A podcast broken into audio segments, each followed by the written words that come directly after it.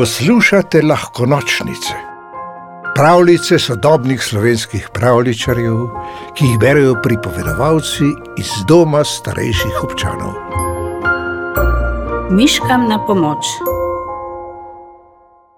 Že po dnevi je začelo padati, in proti večeru se je dež še okrepil. Gozni prebivalci so se stisnili v svoja zavetja in čakali, da mine. Toda deževati kar ni in ni nehalo. Voda je zmočila prav vsak kotiček v gozdu, prepojila zemljo in vdrla v vsako luknjo. Živali so zaskrbljeno opazovali dogajanje. Ko se je vreme pozno po noči vendarle umirilo in je kazalo, da bo vsaj naslednji dan lepši, so se potolažene odpravile spat. Veselile so se naslednjega jutra. Nažalost, jutro ni bilo lepo prav za vse. Ata Mišak, mama Mišika in mali Miško so se prebudili v poplavljenem domu. Voda je našla pot do njihove luknjice in jim zalila tla. Segala je skoraj do roba postelj in le z veliko spretnosti so uspeli splezati ven. Kaj zdaj? je Mišika na glas izrekla, kar je vsem rojilo po glavah. Hm, se je odhrkal Mišak. Nov dom bomo potrebovali. Tudi tukaj mi je všeč, je tiho zacvilil Miško. Prav vsi so se počutili dobro v tem okolju.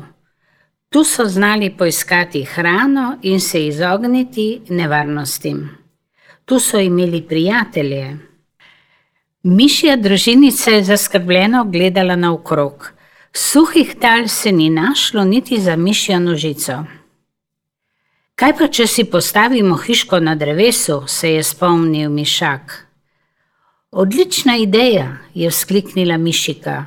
Že dolgo me zanima, kakšen je svet videti od zgoraj. Mišja družinica se je kar brž lotila dela. Toda nažalost je bilo treba na vejo najprej priti, najprimernejša veja pa je rasla tako odmaknjena od ostalih, da na njo niso mogli splezati. Postavimo si lestev, je predlagal Miško. Tole veliko vejo postavimo po konci in prek nje položimo manjše, da bodo za stopničke. Miške so poprijele za vejo. Z vsemi močmi so se napele, to da bila je pretežka. Vzamemo drugo, je predlagala Mišika. Prekratke so, je odkimal Mišak ne bi šli vseeno raje kam drugam. Tako so miške žalostno sklanjale glave pred veliko vejo, ko je mimo prišel medved godrnjavec. Ojej, je rekel, ste se že udarile ali se šele pripravljate? Miške so mu na hitro pojasnile težavo in medo je le zamahnil šapo. Jo bom jaz prislonil, je pograbil vejo in jo postavil po konci. In jaz bom spodaj napravil majhno luknjo, da ne bo zdrsnila, se je ponudil Janko Jazbec, ki je ravno tako prihlačal do velike luže, ob kateri so miške načrtovale svoj novi dom.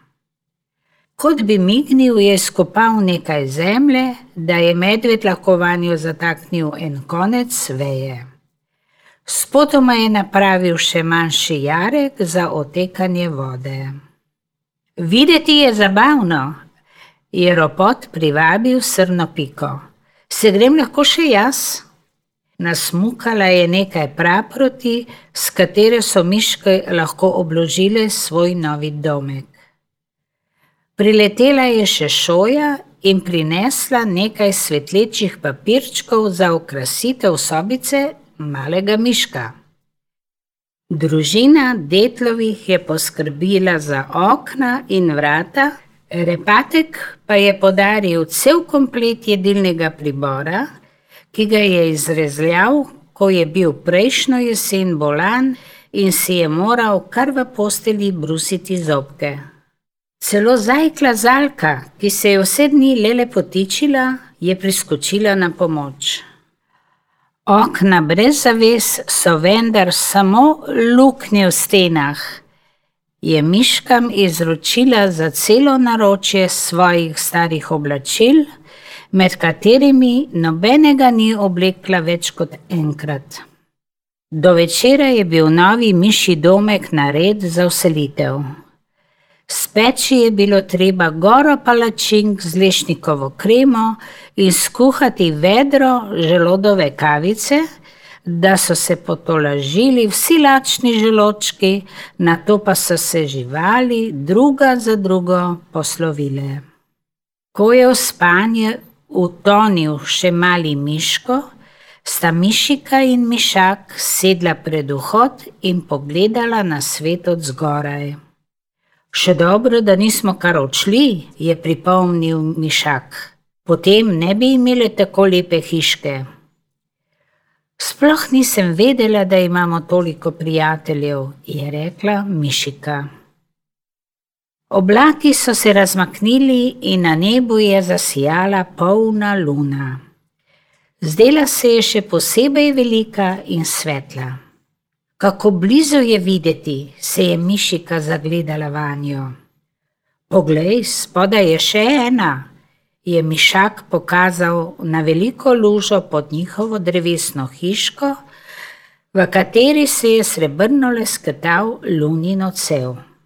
So nam tudi to zgradili najni gozdni prijatelji, je vprašala Mišika. Mišak je skomignil. Pri vseh spretnostih, ki so jih pokazali prebivalci gozda, ga to ne bi presenetilo. Vedel pa ni. Upam, da jih niso pozabili postaviti še zase, je zašepetal. Jaz pa upam, da ima vsak koga, s katerim lahko deli pogled na njo, se je mišika stisnila k njemu in zazehala.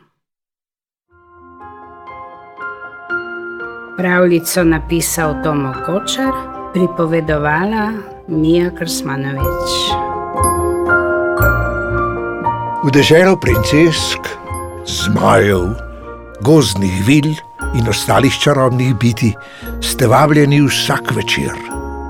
Novi pravljici prisluhnite na lahkonočnice.si, pa lahko noč.